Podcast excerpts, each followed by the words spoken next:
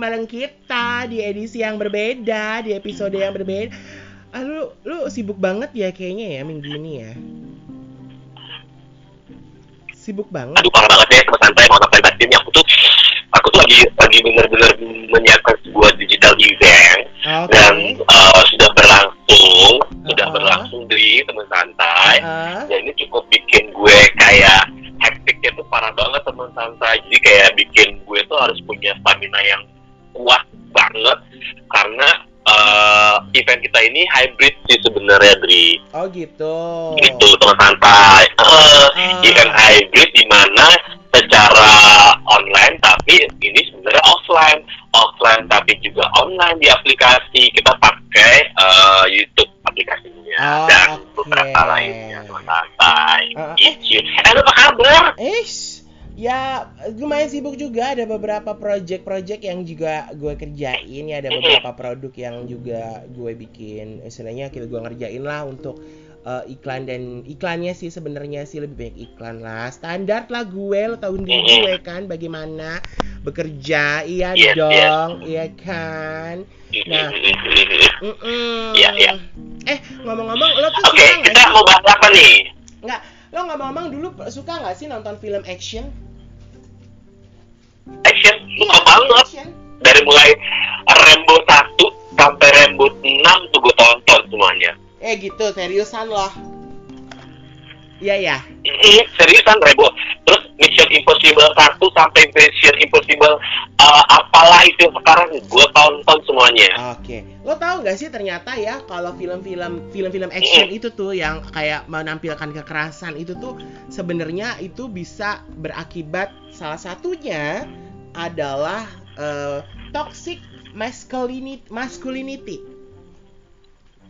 Ngerti nggak? hmm menarik nih menarik menarik apa tuh apa tuh Iya toxic kan? masculinity itu apa sih teman-teman santai pengen tahu juga nih Jadi teman santai pernah nggak dengar istilah toxic masculinity? Jadi eh, teman santai, toxic masculinity itu adalah sebuah pola pikir yang mengakar bahwa prialah yang memegang kekuasaan utama dalam berbagai aspek kehidupan, tetap bukan wanita. Dan akhirnya membentuk stigma bahwa pria harus berperan dominan, selalu tangguh, berani, macho, tidak boleh menangis, atau tidak boleh terlihat lemah. Toxic masculinity merupakan sebuah istilah yang membutuhkan kontekstualisasi yang hati-hati teman santai karena sifatnya yang rentan untuk disalahartikan gitu. Namun, sebelum berbicara tentang toxic masculinity, Ya, pertama-tama kita perlu tahu nih perbedaan jenis kelamin atau seks dan gender gitu. Tahu gak ada perbedaan jenis kelamin atau seks dan gender? Jenis kelamin iya dan iya iya. gender. Ah, simpel banget. Hmm, apa dong Simpel jadinya? Seks merupakan jenis kelamin secara biologis. Nah, Seks merupakan jenis kelamin secara biologis yang tersusun atas kromosom X dan Y, oke. X dan Y. Ya, Yeah. tuh kalian tahu lah ya, sudah Ah, ah. hafal angka gini ya. Ah. Kromosom ini yang nantinya akan mempengaruhi beberapa aspek fisik seseorang. Oke. Sedangkan gender merupakan sebuah konstruksi sosial atas seks seseorang menjadi peran perilaku seseorang. Ah. Gender sering ditumpahkan maksudnya menjadi seks. Oke. Padahal dua istilah tersebut merupakan hal yang sangat berbeda teman santai. Ah. Berbeda teman santai. Oke. Seseorang bisa saja terlahir secara biologis dengan kromosom XY tapi dengan gender perempuan maupun sebaliknya atau gender-gender lainnya. Oke. Meskipun begitu, ilmuwan menyatakan bahwa tidak ada perbedaan yang signifikan atas kerja otak antara kromosom XY. Uh, XY itu jantan ya teman santai Iya. dan XX yang betina ah. itu kadang uh, agak-agak mis miskomunikasi nih. XY itu sebenarnya nggak jantan aja. Nah, XX ini sebenarnya nggak betina aja. Nah itu kalau dari kata dokter sih seperti itu ya teman santai yang Ah, sana mungkin ah. lebih tahu ya monggo. Oke. Ah, nah identitas gender seseorang kadang tidak sejalan dengan ekspresi gendernya ya Iya. mungkin mungkin ya kan Iya. ini bisa diakibatkan oleh konstruksi sosial pada seseorang Ah, ah. yang mendorongnya untuk tidak bisa mengekspresikan dirinya dengan baik kemaskulinitas dan femininitas seseorang pun merupakan suatu yang cair dan bisa berbeda untuk semua orang dan hanya merupakan dua hal biner seperti itu teman santai jadi Hmm. menurut gue biner XY atau XX ini itu ya secara sosial yang menentukan sih sebenarnya. Kayak akikup ya bo ya kan? XY tapi dalam arti XX ya gak sih? Nah, jadi teman santai. Oke, teman santai bagaimana sih asal usul toxic toxic masculinity? Jadi toxic masculinity merupakan istilah yang dibuat oleh seorang psikolog bernama Shepard Bliss pada tahun 1990.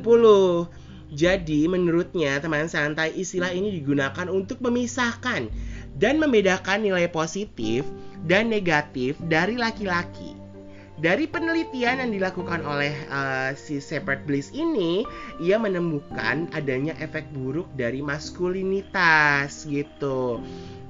Dan ada salah satu juga yang ber- berpendapat yaitu Ross Williams berpendapat juga bahwa toxic masculinity seperti yang tadi sudah dijelaskan ya teman santai ya merupakan konstruksi sosial dari masyarakat patriarkis bahwa kemaskulinan kemaskulinan seseorang didasari oleh perilaku-perilaku yang represif dan haus akan dominasi gitu.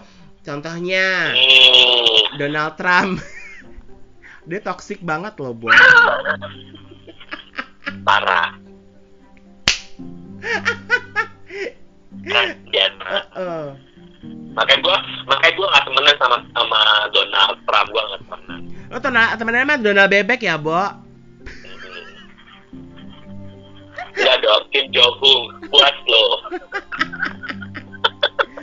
Nah, gue sama Kim Jong Un Eh. puas oh, Korea Utara ya. Hmm. Hmm. nah bukan lagi nah tentu santai kita berikan beberapa contoh yang mencerminkan toxic masculinity ini Heeh. ya Eh. sekedar informasi juga bahwa apa yang kita bahas kali ini bukan penghakiman atas tindakan pria selama ini terhadap maskulinitasnya nih Heeh. ya ingat cowok-cowok yang maco jangan baper Ya, Terus eh. cowok ya Cowok kok baper Hmm. loh. Itu juga Sama. toxic masculinity tuh. Iya bener bener bener Tapi bener, emang setiap orang boleh pertama, baper kok. Iya kan? Setiap boleh, orang itu boleh hak, baper. itu hak manusia sih Yes, Mm-mm. betul. Heeh. setiap orang itu boleh baper boleh lapar bebas Bebas, bebas. Bebas santai aja, Bebas, Shay. bebas. Santai, Shay. santai aja say Heeh. Mm-mm. Yang Kan pertama apa sih, temen- Dak? yang temen santai kan Mm-mm. Oke, yang pertama ya Di. Oke, harus merepresi uh, sisi emosionalnya pada toxic masculinity seseorang, terlebihnya laki-laki terpaksa harus merepresi sa- sisi emosionalnya. Gagasan bahwa laki-laki ceng dan harus kuat Iya, Jadi, terus menuruti suami kepada anak laki-laki. Heeh. Ini, ini sebenarnya ini ya dari masa kecil kali ya kita dari dari dokter sama mamanya, hmm jatuh kayak gitu terus nangis, cengeng cengeng. iya, Iya, iya, ya. iya, iya, iya. Sebenarnya tuh bukan Ya perkara sih waktu masih kecil ya kan sebenarnya sih bukan perkara cengeng ya. Ya mungkin aja memang eh, perasaannya lebih sensitif aja gitu kalau menurut gue. Ya nggak sih? Mm-mm, Iya mm-mm. kan? Nah, itu udah itu kayak budaya sih jatuhnya ya. Iya, Dan itu menciptakan sosial yang akan lu uh, uh, dapetin ya seperti itu nanti di di, di hari dewasanya anak-anak yang kita sedang didik sekarang sama santai sebenarnya itu ya udah sih dia mau nangis ya udah nangis aja nggak usah dilarang-larang ya kan Mm-mm. Heeh, heeh, heeh. Mm-mm. Ya kan Bener, ha-ha. sehingga ketika mereka sudah besar mereka menjadi susah untuk mengekspresikan sisi emosionalnya kalau lu larang-larang juga santai dari kecil nanti yang ada dia kayak psycho terus diam-diam eh, menyeramkan menyedihkan itu lebih lebih lebih jahat lagi sih dan Yes. ini juga bisa Yes. merupakan salah satu akibat kenapa angka bunuh diri pada laki-laki masih tinggi Nah. tuh terutama di Jepang Yes, yes. Di Jepang angka bunuh dirinya laki-lakinya tinggi banget. Kenapa sih lu, Bu? Kenapa? kan sayang ya bu bunuh diri tuh laki-lakinya Hah? Maksudnya? Apa sih? Kenapa sih? sayang aja bu kenapa lu harus bunuh diri kan masih banyak yang jomblo ya sih Oke, ketika seseorang tidak bisa mengekspresikan dirinya secara emosional dan selalu memendam apa yang mereka rasakan, besar kemungkinan mereka menjadi depresi. Salah satunya adalah negara Jepang yang depresinya cukup tinggi dan laki-lakinya juga yang sangat-sangat mendoktrin uh, kehidupan bahwa mereka adalah kuat, uh, stabil, non emosional yeah. dan yeah. akhirnya depresi yeah. bunuh diri. Iya. Nah, uh, salah satunya juga adalah kalau zaman sekarang adalah uh, ini pengaruh dari media sosial juga bisa mempengaruhi seseorang tuh menjadi uh, depresi dan ada toxic masculinity juga tuh biasanya tuh ya kan. Nah, yang kedua adalah standar ganda terhadap perspektifnya.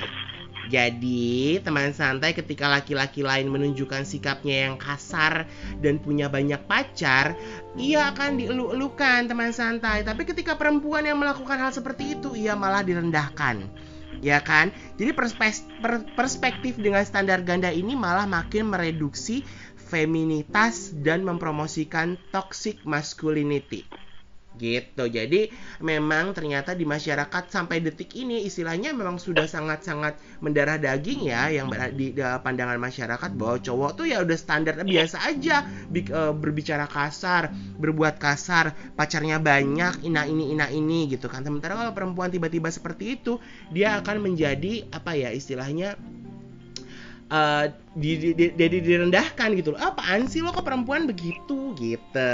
Ya kak Iya kan? Iya.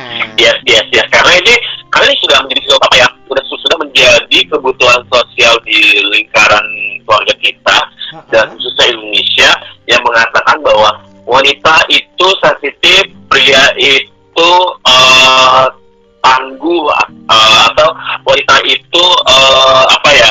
Uh, perasaannya Lebih uh, dalam, cowok itu cuek misalnya uh, kayak gitu uh, ya kan. Uh, gue nggak bicara lemah sih. Kalau lemah itu kayaknya teman-teman akan bunuh gue kalau gue bilang lemah. Ya, tapi ya kan? karena nah, tapi, tapi sebenarnya gini, ketika seseorang merendahkan ada kata kita tanda kutip adalah merendahkan, kata mm. lemah inilah yang juga menjadi uh, sering diucapkan atau diutarakan oleh banyak orang, terutama oleh keluarga sendiri atau mungkin orang tua bahkan ya, lu tuh lemah ya, lo tuh ini ya, lo tuh itu ya, begitu. Itu tuh sering terjadi tuh teman santai. Jadi yep. jadi sebenarnya kalau bisa dibilang, wah ini uh, bicara mengenai uh, seseorang yang dibilang kok lemah tuh merendahkan ya memang uh, bukan memang sih artinya itu sudah menjadi apa ya? Jadi kata-kata yang kayaknya sakti banget gitu loh untuk supaya orang tuh jangan sampai lemah. Tuh dikatain lemah dulu gitu. Tapi itu nggak baik sih menurut gue. Yes. Ya kan? Yes yes. Janganlah pokoknya teman santai kita udah bisa harus mencari uh, pola kata yang pandangannya itu tepat untuk bisa iya. aspek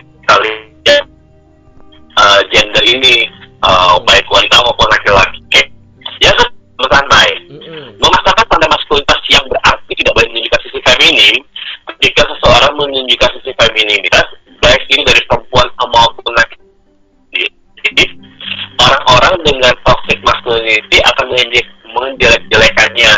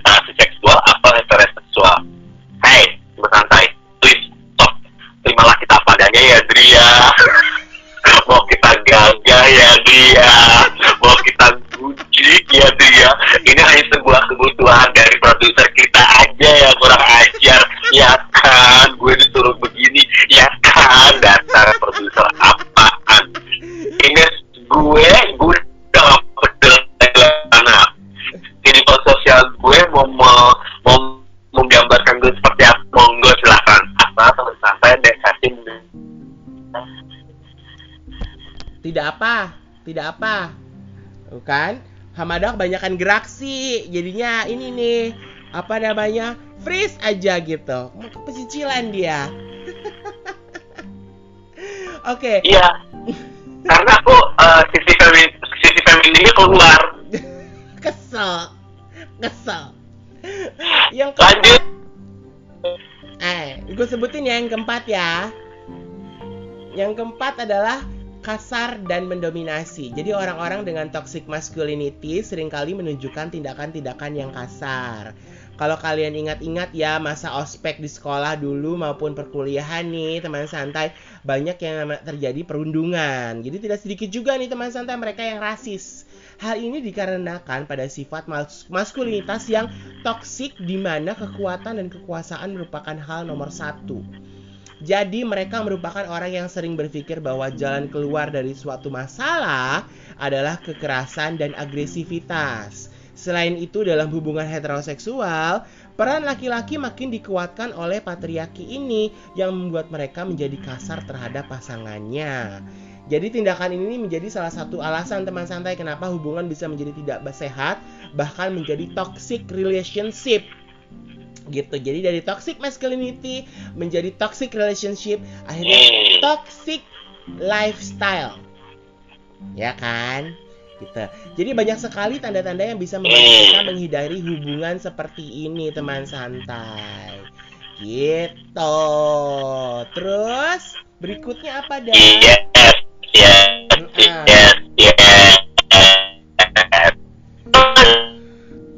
Yang Kelima. tidak berparti dalam tindakan hubungan dengan merusak. Ah, ah. Jadi Masyarakat patriarkis menilai bahwa pekerjaan rumah seperti mencuci, mengepel, dan segala yang berhubungan dengan dapur merupakan pekerjaan perempuan dan tidak ada artinya. Padahal ya teman santai, pekerjaan-pekerjaan tersebut sama aja dengan pekerjaan pada biasanya dan juga menguras tenaga. Gagal seperti ini sangat harmful untuk perempuan di mengerjakannya atau para pekerja domestik. Orang dengan toxic masculinity juga saat ini dan membuat melakukan sesuatu yang berhubungan dengan pekerjaan domestik. Mereka menilai bahwa pekerjaan seperti ini merupakan pekerjaan yang tidak berarti dan harus dikerjakan oleh perempuan.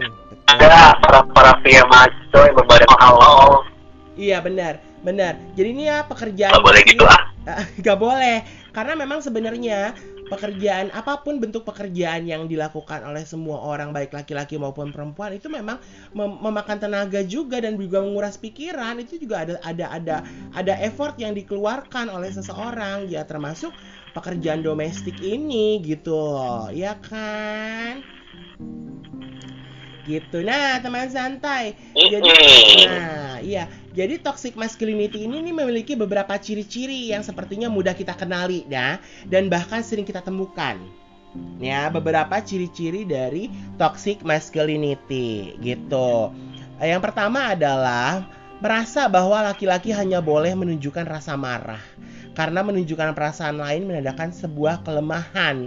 Jadi laki-laki tuh nggak boleh nangis, nggak boleh cengeng, nggak boleh lemah, nggak boleh baper, nggak boleh apa. Itu tuh salah sih sebenarnya teman santai. Itu toxic mas- masculinity ya. Karena sebenarnya setiap manusia kan boleh dong menunjukkan perasaannya, nggak perlu dalam bentuk marah atau berupa kemarahan gitu. Tuh kan boleh gitu, baik laki-laki maupun perempuan. Iya nggak sih, Da? Iya nggak? Dia diem aja loh. Gue rasa freeze. Iya dong, nggak boleh kayak gitu. Bebas gimana adik kan kata gue? Iya. Enggak kok, aku nggak aktif. kan kamu bicara bergantian karena kita sinyalnya jauh ya Adriano. Iya juga. Oke. Yang kedua adalah Ya, ada yang kedua ya, menilai bahwa kekerasan adalah satu-satunya cara menyelesai- menyelesaikan konflik. Jadi teman santai kalau kalian ngelihat nih kerusuhan-kerusuhan atau enggak yang baru-baru kemarin terjadi demonstrasi yang akhirnya eh, berujung pada tindakan anarkis, kekerasan dan juga eh, makar ya seperti itu kan banyak kan di- dilakukan oleh laki-laki gitu. Jadi ini ini salah satu doktrin yang yang nggak bagus juga gitu kan bahwa eh, ya dengan cara seperti itu ternyata biasanya mereka menganggap bahwa oh ini akan menyelesaikan suatu masalah. Ternyata itu nggak benar teman santai. Itu salah gitu. Jadi jangan sampai eh, kekerasan tuh menjadi satu solusi dalam menyelesaikan sebuah konflik. Ya kan? Yes, yes, yes, yes. Dan dan uh, toxic masculinity juga tidak mau menerima bantuan karena tidak mau merasa lemah. Mm-mm. Ah, peres yang maskulin itu nggak minta bantuan. Eh, lu bijik aja minta bantuan. ya kan? Sirik. toxic masculinity menyembunyikan berbagai konflik mal karena khawatir dinilai lemah tuh Dri. Nah, tuh. Terus berarti memendam atau menyembunyikan berbagai konflik tuh eh, Hmm. jangan jangan sampai terjadi ya gitu. Itu nggak lemah kok, itu wajar manusiawi kok. Iya kan? Ya boleh. Bener. Iya. Nah, yang berikutnya adalah mengadopsi berbagai kebiasaan buruk demi terlihat jantan. Hmm. Jadi ada cowok-cowok tuh yang biasanya tuh punya kebiasaan buruk ya mereka misalkan salah satunya adalah ya mungkin minum minuman keras atau ngerokok biar terlihat laki biar kelihatan jantan gitu itu kan itu tuh nggak nggak nggak baik gitu kan dan yang keenam adalah menganggap memasak mengurus anak Mengurus rumah dan aktivitas domestik lainnya adalah urusan perempuan saja. Hei, kalian laki-laki, bila kalian tiba-tiba ditinggal oleh istri, ya, para suami ditinggal oleh istri, terus eh, harus mengurus rumah, harus memasak, ngurus anak, ya kan? Emang lo pikir makanya banyak banget kasus di mana seorang laki-laki atau seorang suami yang ditinggal mati oleh istrinya pasti nggak lama nikah. Tapi beda sama perempuan yang ditinggal mati sama lakinya, biasanya tuh agak lama untuk dia menikah lagi karena dia mampu untuk mengurus semuanya sendiri gitu. Jadi kalau lo bilang bahwa laki-laki tuh kayak eh, seperti ini ya berarti lo tuh lu salah, lu bodoh kalau menurut gue. Jadi sebenarnya semua manusia itu harus bisa mengurus segala hal, ngurus rumah, ngurus eh, memasak, ngurus anak apa pun itu tuh harusnya bisa kalau menurut gue ya, Bo. Ya nggak sih, Dak? Ya kan? Embur, embur, embur, embur, embur, embur. Sana. Ya, Dri, bener. Ya kan banget. Oke. Yang ketujuh, teman santai, meremehkan laki-laki lain yang menunjukkan berbagai perasaan atau emosi. Nih. Dengerin ya. Dengerin nih untuk Mm. laki-laki sahabat-sahabatku yang fuckboy ya. Di luar sana eh, pendengar kita teman santai eh, yang pria maco eh, yang menunjukkan bahwa lu tuh lebih kuat daripada orang yang bisa menunjukkan rasa emosional kepada lawannya. Ya udah sih nggak apa-apa. Nggak usah judging biarin aja. Cowok mau begitu juga nggak apa-apa. Nggak salah kok. Teman santai beneran deh kayak gue nih ya kan Adrianus gue sering banget ya menunjukkan perasaan emosi gue ya kan di sosial media Iya. lah di sahabat-sahabat gue Iya. ya kan ya apa-apa dong Nggak apa-apa. nggak masalah Ah. Iya kan? Jangan judging gue. Lu cowok lu, muka lu kayak cowok banget. Muka lu tuh laki banget. Tapi lu XXX Hamada. Gimana, Adri? Iya nggak boleh begitu sih sebenarnya. Itu kan itu itu hak setiap orang. Itu hak asasi kok. Ya kan? Hmm. Gitu. Yes. Mm-mm. Berikutnya. Dan itu yang kedelapan teman santai. Menyak yakini bahwa laki-laki harus lebih dominan dalam hubungan romantik dan perempuan harus menurut saja. Aduh. Kalau ini sih gue agak setuju Agak apa?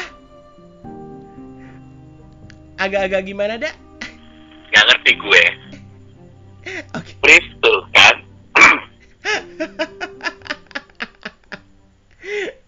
Ya pokoknya meyakini laki-laki harus Halo? Iya, udah kedengeran udah masuk suaranya. Ini gue gue udah nggak ngerti lagi deh sinyal di rumah gue tuh jelek banget. Ya ampun, mentang-mentang rumah gue di Bekasi ya. Please deh.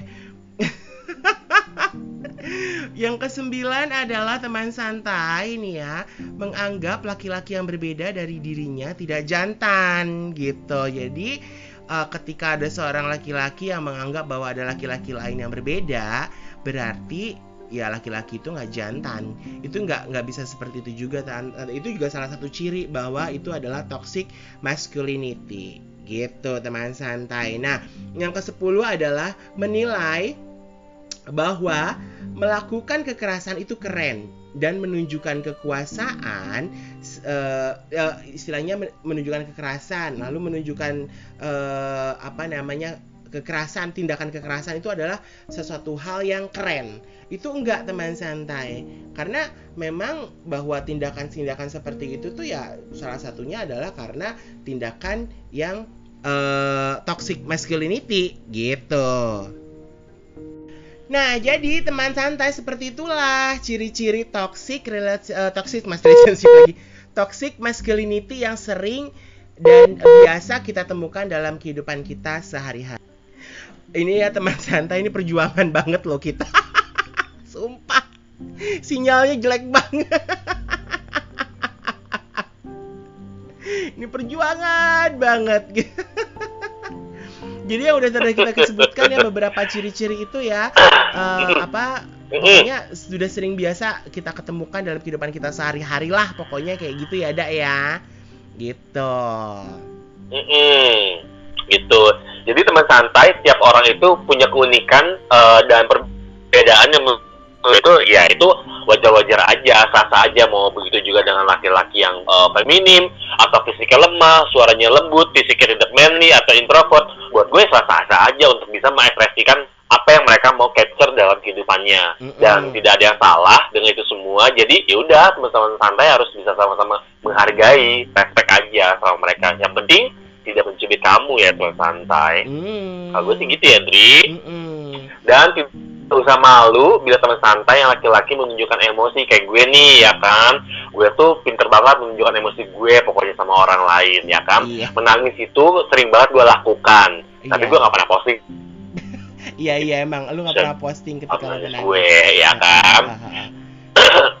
enggak gue gak pernah posting. Itu gue jijik gitu teman santai. Nah, Jadi, nah kalaupun itu membuat kalian malu uh, punya teman seperti itu ya udahlah ya nggak usah uh, ditemenin. Uh, uh, benar jadi mm-hmm, gitu ada aja masalah, gampang. Benar ada masalah di hidupmu jangan dipendam nih teman santai. Lepaskan semua beban negatifmu. Jadi uh, kalian tuh bisa curhat dengan rekan kerja sohib kalian keluarga atau pasangannya teman santai punya gitu loh. Jadi abaikan aja mereka yang suka atau sering mencemooh jadi siapa saja, siapa jadi itu ya, itu juga bentuk pelarian. Gini loh. Orang-orang yang mencemooh itu tuh bisa jadi itu juga bentuk pelarian mereka dari masalah hidupnya mereka. Iya nggak sih? Ya kan? gitu jadi uh, udah deh orang mau ngomong apa biarin aja. Ternyata kayaknya mereka yang punya masalah deh kayaknya bukan kita. Ya nggak sih kalau mereka ngomongin kita? Ya kan? Yes. Gitu. Yes yes yes yes yes. Betul banget. Uh, gitu karena uh, hmm, apa namanya jadi gimana?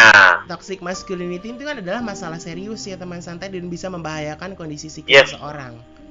Gitu kan? yes, karena gini uh, seorang laki-laki tuh nggak bisa menjadi dirinya sendiri uh -huh. dan uh, tidak merasa bebas akan merasa kesepian murung bahkan depresi. Uh -huh. hal inilah yang menyebabkan angka bunuh diri didominasi oleh laki-laki.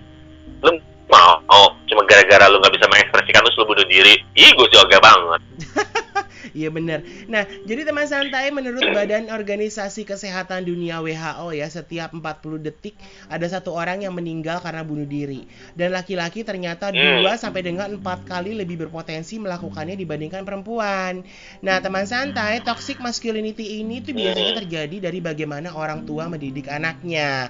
Dari kecil udah didoktrin tuh yang tadi seperti kita bilang, kan lu jangan cengeng ya, lu jangan anak, anak cowok kan nangis gini gini gini gini gini gitu kan tentang perkara mas maskulinitas pada anak laki-laki.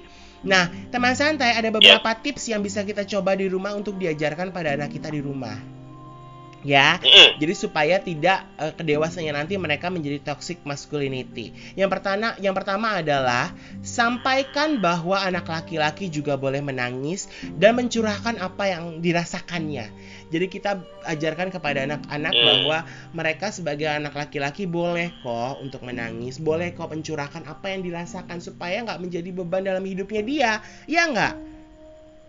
Nah. Benar, benar, Nah, benar. Yang kedua adalah hindari ujaran Hmm. yang merendahkan perempuan seperti kamu berbicara seperti perempuan atau jangan berjalan seperti perempuan Hmm. ya. Nah, itu tuh jangan seperti itu gitu karena memang sebenarnya setiap orang itu ya, setiap orang terlahir dengan karakter, dengan Yes. kelebihan, kekurangan dan dengan apa yang Tuhan kasih tuh ya memang mungkin mungkin udah seperti itu gitu. Jadi ya udah, tapi juga jangan akhirnya gini, eh, kamu berbicara seperti perempuan. Bo, emang perempuan kalau ngomong kayak gimana sih? Salah gitu ya?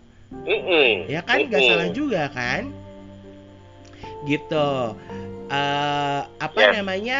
Ya jangan seperti itulah gitu. Yang ketiga adalah ajari konsep konsensual sejak dini yang sesuai dengan umur si kecil. Jadi misalnya sampaikan bahwa setiap orang memiliki batasan yang tidak bisa sembarangan dilewati. Jadi teman santai juga bisa mengajarkan bahwa setiap tubuh orang adalah milik orang tersebut sehingga tidak bisa sembarangan menyentuh atau memeluk tanpa izin orang lain. Ini ya salah satu di mana kalau uh, laki-laki tuh suka tiba-tiba megang paha, meluk-meluk orang atau kayak gimana-gimana. Nah, itu tuh harus diajarin dari kecil bahwa setiap orang tuh memiliki tubuh yang uh, punya apa ya istilah batasan gitu bahwa kita jangan sampai melewati batas itu. Jadi setiap orang tuh punya batasan masing-masing di mana orang lain tidak boleh mengganggu batasan yang dimiliki oleh orang tersebut gitu. Ya kan? Yes, Hmm. gitu. Benar, benar, benar, benar. Hmm, jadi supaya Hmm. tidak ada pelecehan seksual lah gitu loh. Yang keempat apa aja? Yes, yes, yes, yes, yes, yes. Yang keempat, berhati-hati dalam memberikan media hiburan pada anak apabila mendeteksi elemen toxic masculinity di film atau buku kesukaannya. Nah, teman santai, bisa nih memberikan intervensi bahwa elemen tersebut tidak patut untuk dicontoh. Tapi nggak mungkin ya sekarang tuh media itu nggak hanya di tele- televisi aja. Udah banyak sosial media dengan menggunakan platform-platform tertentu misalnya secara games nih ya kan Mm-mm. yang suka main Mobile Legends tuh action action kayak gitu gitu atau zombie zombie yang Mm-mm. sifatnya kekerasan lebih banyak Mm-mm. itu bahkan bisa mempengaruhi anak-anak untuk bisa menjadi seorang yang toxic masculinity Yes. Ya kan jadi Betul. teman santai itu harus hati-hati kalau kata gue Iya. jadi teman santai sepantasnya lah kita semua hidup saling bahu membahu. Hmm. Bahu kamu mana? Sini aku mau sandaran. Begitu bukan sih, Indri? Salah. Bukan ya? Salah ya? Oke. Bantulah teman atau saudara yang sedang depresi dan butuh teman curhat. Tetap dukung teman-teman Uh-uh. atau saudara atau orang-orang yang ada di sekitar kita yang Mm-mm. mengalami bully di lingkungan hidupnya. Mm-mm. Jadikan diri kita contoh sosok laki-laki maskulin yang sehat dan positif bagi diri sendiri dan lingkungan sekitar. Jangan sampai teman santai aku yang tercinta menjadi orang lain yang termakan toxic masculinity-nya hingga jatuh ke lubang depresi. Aku nggak mau ya, Akika cinta mawares ya. Pokoknya teman santai harus sehat, sehat aja. Nah, jadi me- mereka yang mematuhi standar toxic masculinity itu ya menggunakan institusionalisasi maskulinitas toksik sebagai perlindungan mereka. Jadi dengan mengimani mitosnya, mempraktikkan nilai-nilainya, para pemegang kekuasaan jadi bebas mempertahankan posisinya dalam hierarki laki-laki teman santai. Jadi untuk mengakhirinya bagaimana teman santai? Tentunya harus adanya kerjasama yang besar antara kita semua, ya kan? Dan ini merupakan PR yang cukup berat untuk dilakukan. Karena cara paling mudahnya adalah untuk merubah nih ya, sadar secara masing-masing bahwa hal ini merupakan hal yang buruk. Jadi sadar bahwa toxic masculinity adalah hal yang buruk dalam kehidupan Mhm. kita gitu. Ketika kita mulai ambil sikap dan menolak agresivitas, dominasi serta karakteristik eh, maskulinitas toksik lainnya sebagai norma maskulin barulah hierarki tersebut akan runtuh. Begitu deh teman Hmm. santai. Yes, yes, yes, yes. Pokoknya apa pun kita punya attitude yang menyeberang dari kebiasaan pola pikir manusia di Indonesia ya udah nggak apa-apa. Yang penting bisa menyenangkan hati orang lain. Yes. yang penting sehat itu orangnya ya Iya kan? betul betul betul. Jadi ya udahlah teman santai setiap orang makanya aku bilang tadi dari awal kan bahwa setiap orang itu unik setiap orang itu berbeda setiap orang itu memiliki karakteristiknya masing-masing dan setiap orang itu juga memiliki eh, apa ya keku- kekurangan dan kelebihannya jadi coba untuk saling menghargai setiap orang gitu jadi jangan sampai dan ingat bahwa eh, toxic masculinity ini juga berakibat efek sampingnya adalah salah satunya yaitu pelecehan seksual, kekerasan seksual, bahkan ada juga KDRT Hmm. itu juga karena toxic masculinity yang sudah ditanamkan oleh seorang laki-laki dari sejak kecil gitu.